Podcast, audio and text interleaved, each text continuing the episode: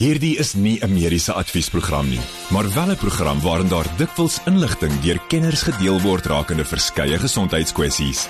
Vir persoonlike raad of advies, raadpleeg jou mediese dokter of sielkundige. Groot trauma op Groot FM 90.5. Baie welkom by Groot Trauma. Ek is Pieter Kloete saam met Dr. Jaco van die kerk en uh, dit is tyd vir Groot Trauma soos ek vroeër gesê het en ons gesels vanaand 'n bietjie oor uh, ons dieet want volgende week dan is internasionale dag van diabetes bewusmaking. Ek dink diabetes is eintlik 'n uh, nogal een van die groot goed wat ons nogal weet wat 'n mens kan onderkry, weet. So ons gaan 'n bietjie daar gesels uh, later in die program. Ons kyk eens na 'n paar nuus stories wat nuus gemaak het en ons hoor 'n bietjie wat is Dr. Jaco van die kerk se opinie daar rondom. Jaco, ons bly in Gauteng en uh, ons is nie in 'n malaria area nie, maar daar was blykbaar 1000 gevalle die afgelope jaar van malaria in Gauteng. Is dit omdat ek nou Desember bietjie kreer toe gaan en dan bring ja. mense muskiete terug of wat? Ja, Pieter goeienaand en goeienaand aan by die huis ook. Ja, die departement van gesondheid het maandag dan nou gesê daar so 7400 gevalle van malaria um, vanaf Januarie tot dan nou Oktober um hierdie jaar in Suid-Afrika aangemeld met minstens 66 sterftes wat eintlik skrikwekkend is. Daarvan is 1100, net bietjie meer as 1100 van Januarie tot September hierdie jaar aangemeld. Um en meeste van hierdie pasiënte was in Mosambiek, Zimbabwe, Zambia, Ethiopië, Nigeria of Angola gewees. Um so ons praat ook van die travelers malaria of reisigers malaria waar hierdie parasiete kan saamkom en selfs dan mense in die in die stad soos Pretoria kan ook malaria um ontwikkel of opdoen. Um dit is 'n dis hierdie tyd van die jaar met die begin van die reenseisoen wat ons 'n skielike toename sien in malaria gevalle. En almal dink altyd malaria is nou nie so ernstig nie want jy drink mos net maar net die pilletjie en dan gaan jy gaan jy aan. Maar 'n persentasie van mense sal serebrale malaria kry wat dan breinaantasting is of renale malaria, die ou mense praat van die swartwaterkoors en daai twee forme van malaria het dan 'n uitermate hoë risiko of hoë mortaliteit um en en mense sukkel om hierdie goed onder onder beheer te kry en en, en te behandel.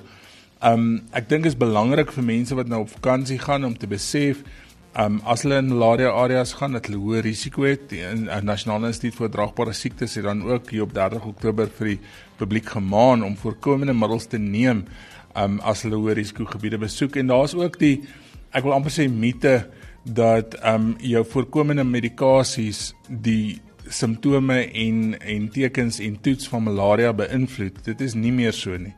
Daar is baie goeie middels op die mark en jy hoef nie meer week voor die tyd en 4 weke na die tyd die goed te drink nie. Jy begin die dag voor die tyd daagliks terwyl in die area en 7 dae nadat jy die area verlaat het wat baie en hoogs effektief is en wat min neeweffekte het. Um dis nie soos die ou um antimalaria middels of profylaktiese middels wat vir jou al hierdie toksigosis kon gee nie. Um dit werk regtig effektief en dit kan 'n lewe red. Um dit is nie so dat dit die toetse gaan beïnvloed nie want ons doen nie meer net dun en dik smere, bloedsmere vir vir die behandeling en en diagnose en behandeling van malaria nie.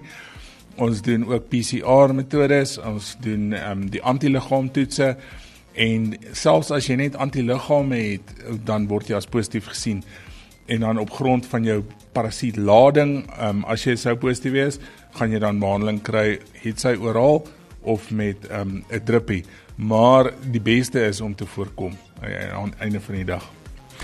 Uh, ek was nog vir 4 jaar, weet elke Desember in uh in Kreer en ek was gelukkig nog op hierdie stadium nog nie gelukkig om om malaria te kry maar jy sê mens moet eerder voorkomend wees. Ek dink mens moet ehm um, want mense weet nooit kyk as jy die standaard ligte malaria lae parasietlading kry dan is 'n week se medisyne vir jou genoeg en jy gaan waarskynlik jou sikliese koors kry um en jy gaan die verkoue simptome kry maar as jy die ongelukkige ou is wat die renale of cerebrale malaria kry dan dan dan is jy sleg siek jy weet en en regtig waar um mense sien net een so pasiënt sterf voordat jy besef dat dit regtig waar 'n ernstige siekte is en is iets wat 'n mens regtig moet ernstig opneem en probeer voorkom te alle koste.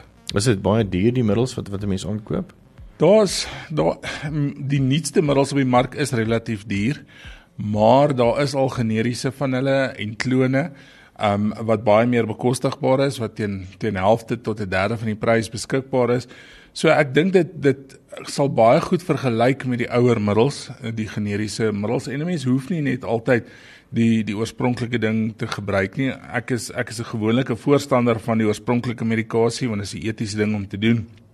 Maar um, as as finansies regtig 'n opsie is en 'n probleem is, dan is daar definitief 'n uh, alternatiewe wat 'n mens dan kan gebruik um, in terme in terme hiervan wat dan baie bekostigbaar is. Nou ja, net nog selfs 'n bietjie oor hospitaal in Bloem wat sukkel sonder kritieke masjiene wat stuk en staan en dan 'n man, 'n tweede persoon wat nou al ehm um, 'n genetiese gemodifiseerde hart van 'n vark oorplanting gekry het, maar hy het ongelukkig dit nie gemaak nie. Nou stories vir jou net op pad net hierna. Groot trauma met Pieter Kloete en dokter Jaco van die Kerk op Groot FM 90.5. Ons kyk dan so 'n paar nuus stories wat nie gemaak het en ons hoor wat sê dokter Jaco van die Kerk daaroor. Jaco, dit is jou alma mater. Ehm um, die hospitaal in Bloem sukkel nou met kritieke masjiene wat stuk en staan. Dis 'n baie baie hartseer storie. Daai universiteitshospitaal is een van die mooiste hospitale dink ek. Um en en een van die van die mooiste staatshospitale dink ek in die land. Um en ek weet die voorste gedeelte van die universiteit word gedeeltelik ook deur Netcare um bestuur. Maar um dit is belangrike lewensondersteunende masjiene staan glo nou al vir maande lank buite werking by die Universiteitsakademiese Hospitaal in Bloemfontein en die staat weier om die masjiene reg te maak of te vervang.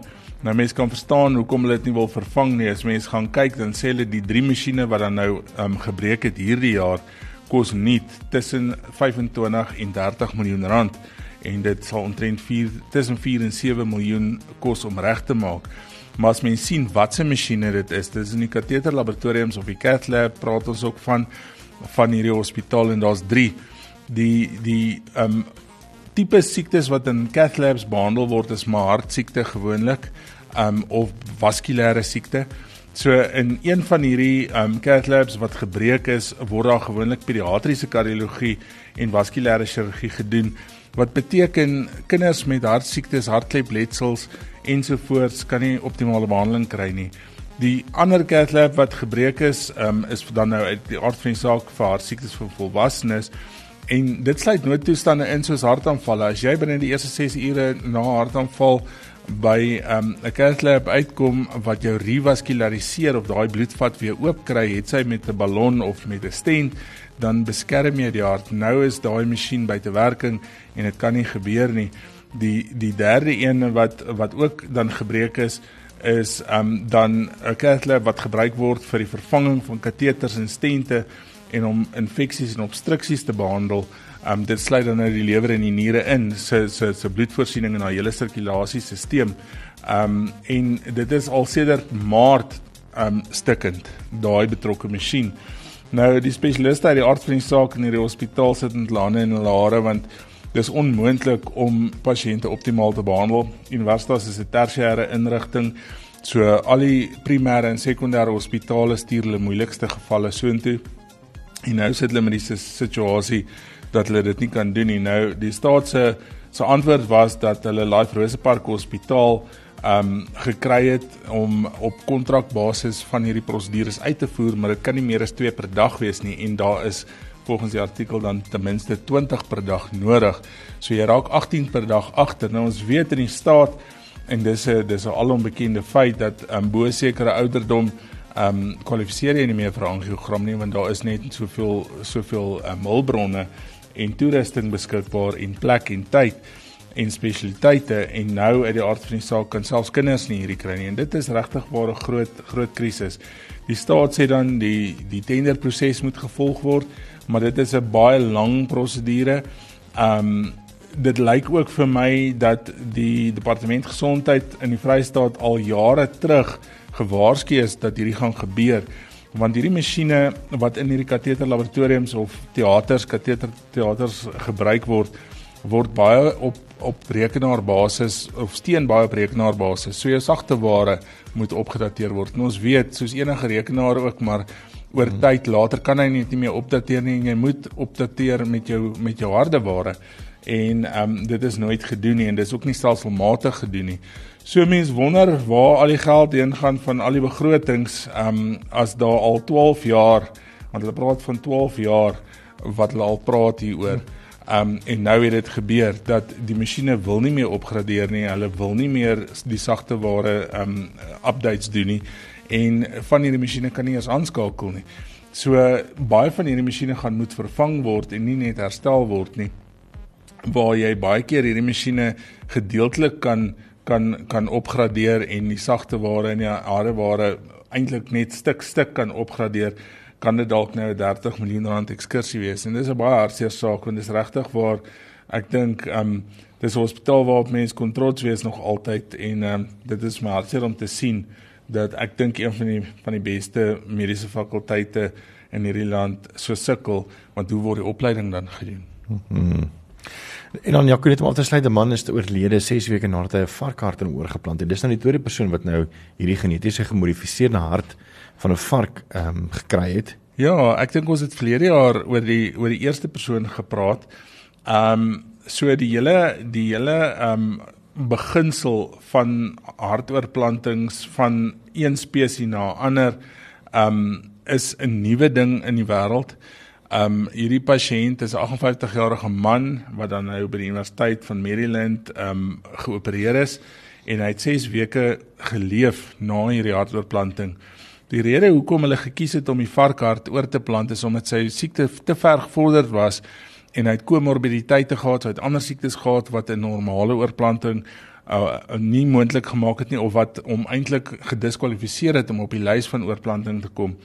Nou die ehm um, persoon uh, wat dan nou um Lawrence uh, Fawcett is, het dan ook gesê hy's hyself 'n uh, 'n wetenskaplike en hy het sy eie biopsies ensovoorts gelees en verstaan en hy het geweet hoe belangrik dit is om dan um hierdie hierdie navorsing voort te sit na die eerste een wat ook dan nou geval het.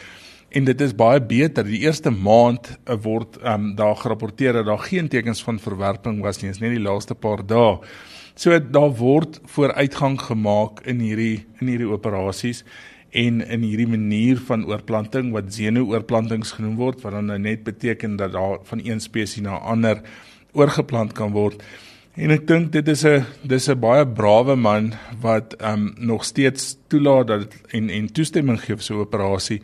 Maar sy vrou sê haar man geweet dat sy tyd min is en ehm um, daar nie 'n ander opsie was nie maar um, hy het nooit gedink hy sal eers so lank leef na hierdie hartoortplanting as wat hy wel gedoen het nie. So ek dink um dis die tweede een in die wêreld en ons sal ons sal nog baie hoor hiervan. Ek dink daar's nog baie navorsing om te doen, maar um die genetiese modifikasie van organe dink ek gaan so vinnig vooruit en ek dink as mense na die foto kyk van hom daar in die hospitaal, daai 6 weke is hmm. waarskynlik 'n beter kwaliteit van lewe as wat hy voor die operasie gehad het want baie van daai pasiënte is in erge hartversaking benoud. Hulle kry nie lekker asem nie, hulle is opgeswel ensovoorts. Um so ja, ek dink dit is um dis eintlik 'n goeie storie met 'n hartseer einde, maar dit bly 'n goeie storie. Bly skakel net nog as 'n bietjie gesels oor ons dieet en natuurlik diabetes 2 se bly skakel daarvoor. Met die volgende program bo Groot FM 90.5 om jou as luisteraar met die nodige inligting oor 'n spesifieke onderwerp te voorsien. Alhoewel hierdie inligting dikwels deur 'n kenner op die gebied gedeel word, word jy aangemoedig om jou mediese dokter of sielkundige te besoek vir persoonlike advies of raad. Groot trauma met Pieter Kloete en dokter Jaco van die Kerk op Groot FM 90.5.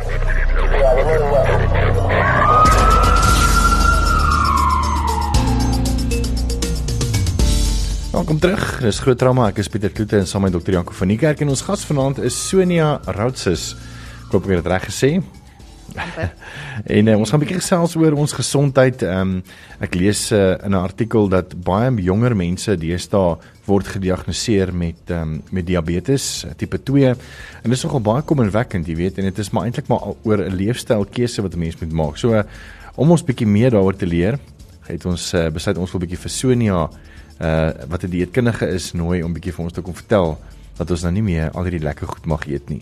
Maar nietemin, Sonja baie welkom en dankie dat jy hier sou is. Vertel ons 'n bietjie meer hoekom is dit belangrik om bewusmaking want 14 die, uh, November elke jaar vier ons wêrelddiabetesdag eh, vir bewusmaking daarvan en ek dink elke jaar word die oproep net meer ernstiger want jonger mense en jonger mense begin al diabetes kry. Um dankie vir die uitnodiging. Dit is beslis 'n baie groot um ding om oor te praat van baie min mense. Daar is maar nog bietjie stigma rondom diabetes. Mense sal dink dit is vreemd dat daar is, maar daar is. Um ek dink is ook omdat daar nie altyd so groot bewusmaking rondom dit is. Die mense is bewus daarvan, maar hulle dink dat dit iets is wat hulle skuld is. En ons weet van al die jare um, al die navorsing wat al hoe meer uitbrei rondom diabetes, dit is een van die grootste um velde in of areas in in mediese in die mediese veld wat eintlik borgskappe en navorsing um befondsing kry. So daar's verskriklik baie nuwe navorsing wat wys dat nie altyd net leefstylkeuses is nie. Genetiese komponente speel 'n baie groot rol. In in terme van die jonger generasie, so ons ons kinders en en, en tieners wat begin tipe 2 diabetes kry, dit kan geneties wees, maar dit is maar baie lewenstyl ook en dit is as gevolg van die verhoogde um toename of die toename in um vetsug, um, oorgewig kinders mm. en so dit is baie ge, gekombineer ook met lewenstylkeuses, maar gen, gene ook genetiese um faktore speel ook 'n baie groot rol as dit kom met um toename in gewig.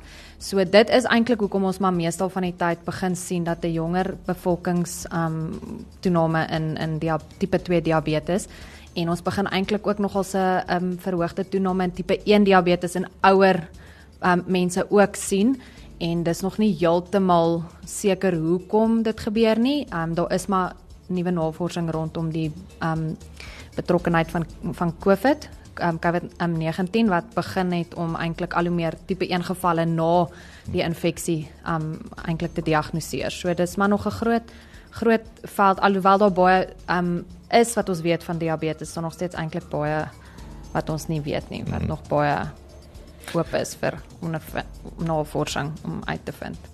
Hoe vind jy dit nou in 2023? As as iemand gesê het hoor hierso jy moet 'n dieetkundige gaan sien in byvoorbeeld die laat 90s 2000s dan was dit eintlik maar half van nee hoekom hoekom jy dit gaan doen maar mense gaan sien 'n dokter maar nou is dit ek meen dit dieselfde geld vir sielkundiges jy weet ek dink mense is nou meer as ooit oop om dit ook te sien as hoorie so maar as ek moet nie na my fisiese kyk nie maar ook na my geestelike. Dink jy dat mense het bietjie meer van 'n ander persepsie deesdae oor dieetkundige en die belangrike rol wat julle as 'n veld in die mediese veld speel? Ek dink beslis so. Ek dink daar's baie meer bewusmaking rondom voedingsstatus en dieet of voeding um vir die vir gesondheid in die algeheel um van dit COVID-19 getref het eintlik. Hmm. So ek dink mense is baie meer bewus dat voeding regtig 'n baie groot rol speel om hulle gesondheid te bevorder en selfs om dan sieke toestande soos diabetes selfs om te keer. So as ons kyk na die nuutste navorsing wys dit dat dit word juis reeds al opgeteken deur die Wêreldgesondheidsorganisasie en groot diabetiese organisasies dat diabetes tipe 2 diabetes nou omgekeer kan word. So en die eet speel 'n baie groot rol daarbey in lewenstyl. So as mense dit vinnig genoeg kan diagnoseer of vinnig genoeg kan aanspreek, met behulp van die eet, dan is dit baie makliker om die diabetes onder beheer te kry net selfs om te keer. So mense is baie bewus daarvan dat dit eintlik 'n kroniese siekte is en hulle is bang vir die komplikasies want as mens kyk in die ou dae het hulle altyd gesê as jy te veel sweets eet, dan gaan jy suiker siekte kry, nê? En die ander ding is natuurlik mense word altyd bang gepraat um, rondom die komplikasies van van die gevorderde diabetes. So mm. dit is baie erge komplikasies want dit affekteer elke orgaanstelsel in die liggaam. So as mense mooi na die suikervlakke kyk en mense insulienvlakke beheer nie, dan kan dit komplikasies tot gevolg hê.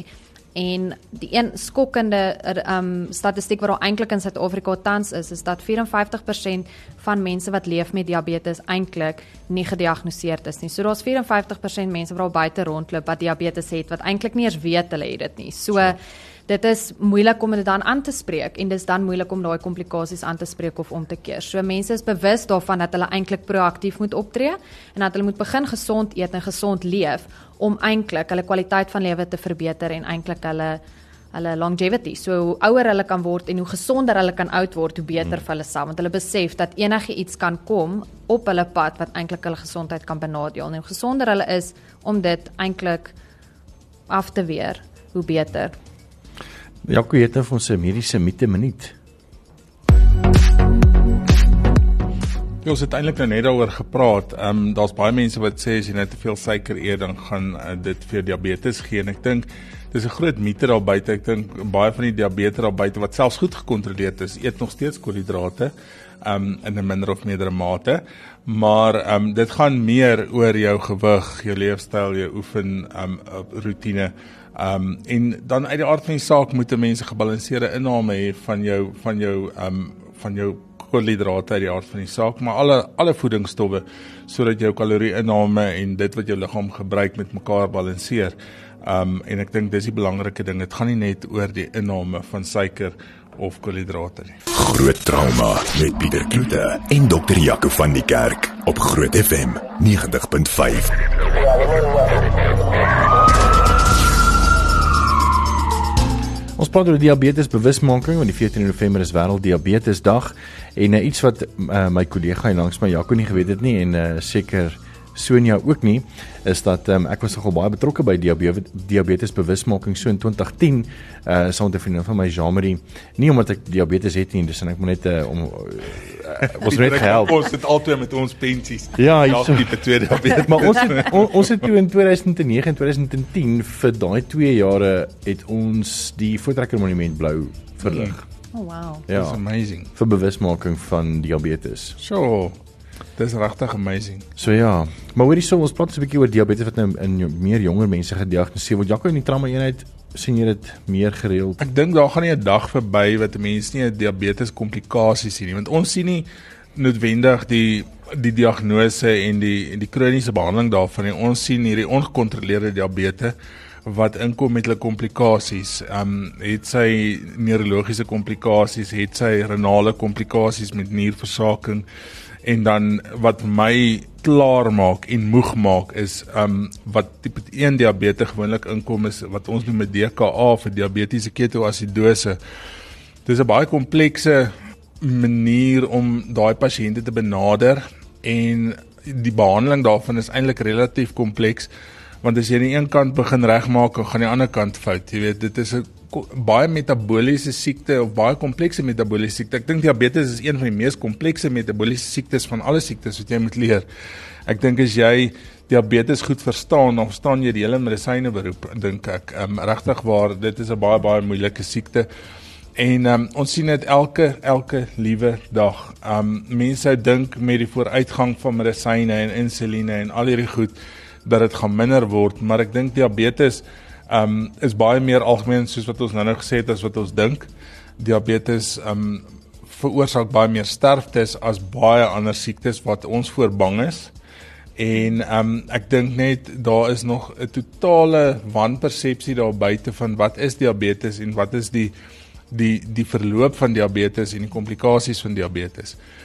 Um maar die oomblik wat jy vir iemand sê in, in jou spreekkamer um diab jy diabetes en ons gaan jou nou begin behandel en die beginbehandeling begin altyd met 'n oefening en 'n gesonde dieet en dan sal ons pille bysit, dan sal ons insulien bysit en dan sal ons aangaan.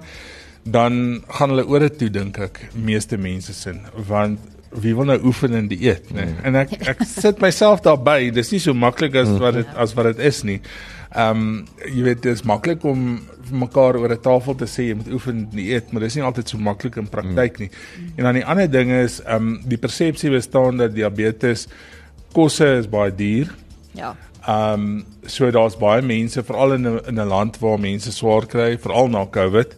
Ehm um, is dit 'n is dit 'n krisis? Die behandeling van diabetes is ook nie goedkoop nie. Ek meen insulien is nie goedkoop nie en al die nuwer middels op die mark is alles behalwe goedkoop. Ja.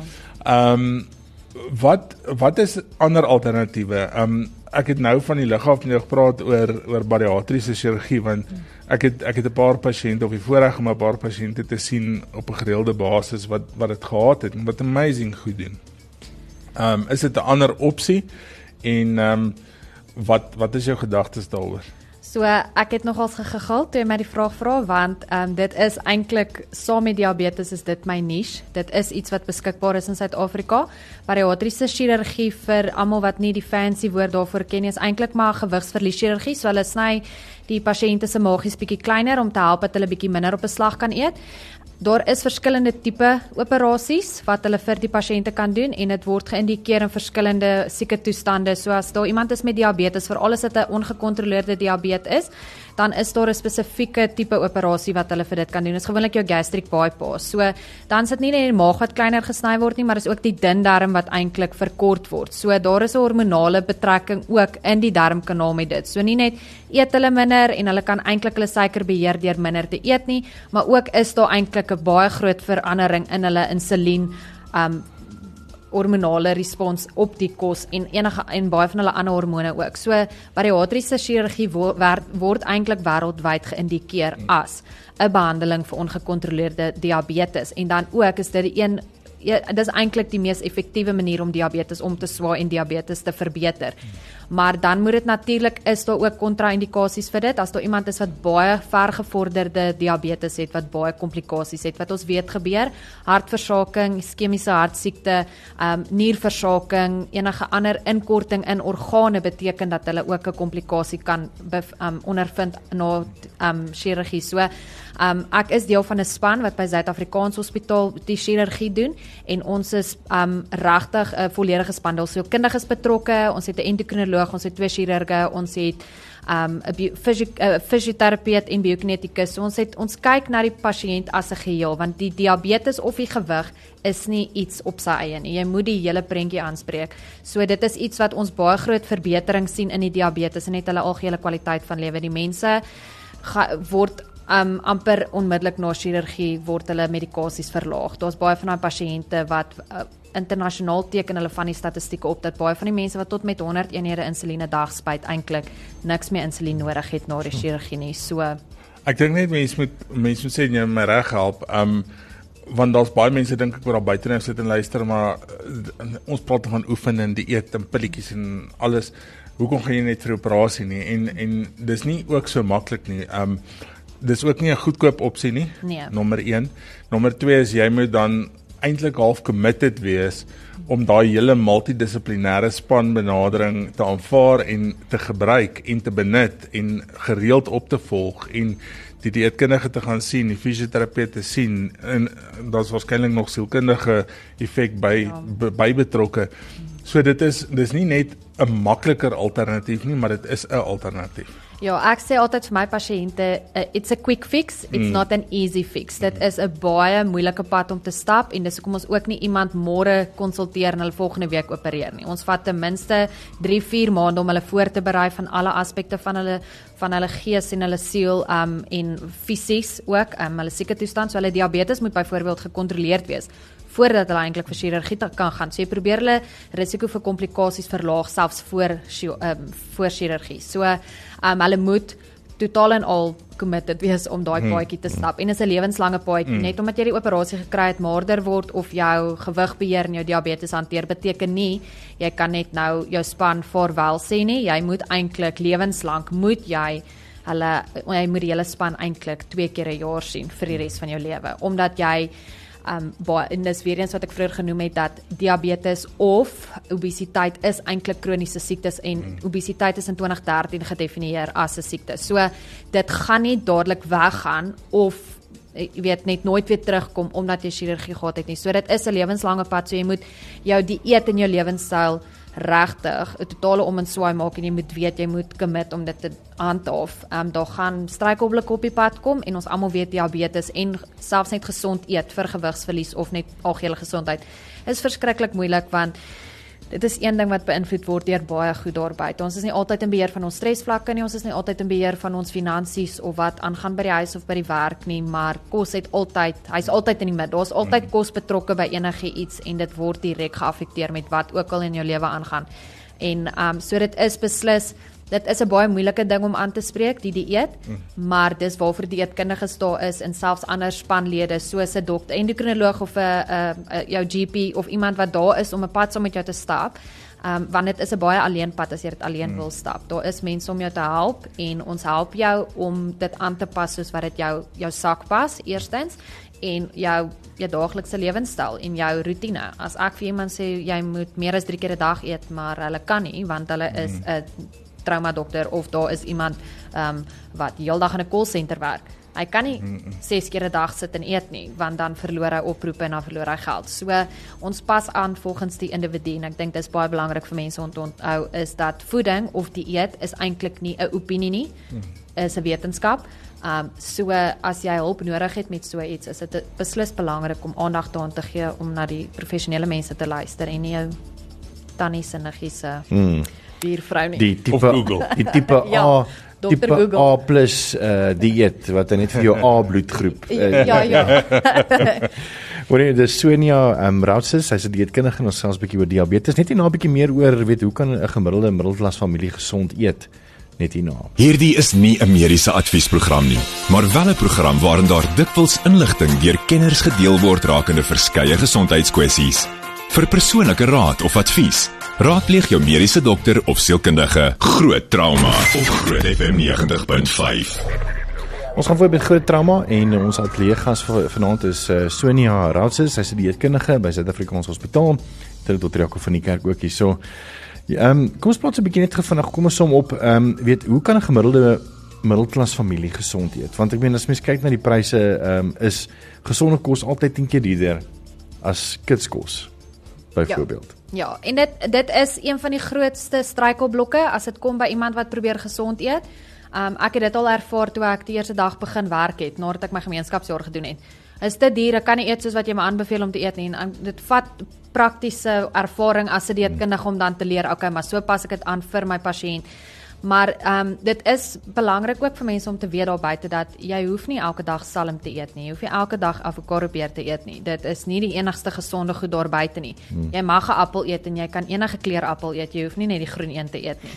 Jy ek gebruik daai voorbeeld want dit is dit is iets wat dit is die boodskappe daar buite. So ehm um, 'n groot verskeidenheid van voedingswaarde in 'n dieet is baie belangrik eerstens. Dat jy moet weet, dit gaan nie net oor dat jy suiker moet vermy of dat jy 'n spesifieke voedselgroep moet vermy omdat jy bang is vir jou suiker of jou gewig nie.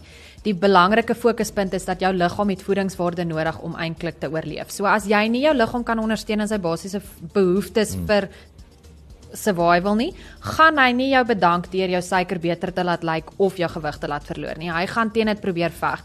Um ek verduidelik dit altyd dat jou liggaam besig is altyd om vir homself te sorg en hy doen. Hy kan dit baie mooi doen eintlik sonder jou hulp. Hy is die puppet master.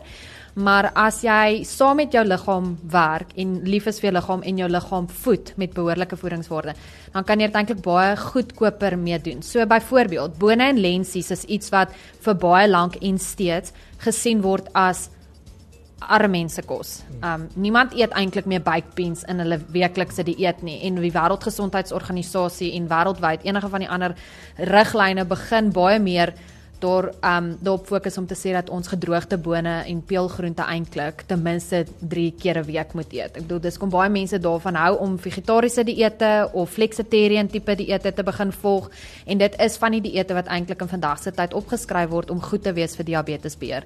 Daai tipe bone het het proteïene in, dit het baie vesel in, so dit help eerstens jou suiker baie mooi beheer.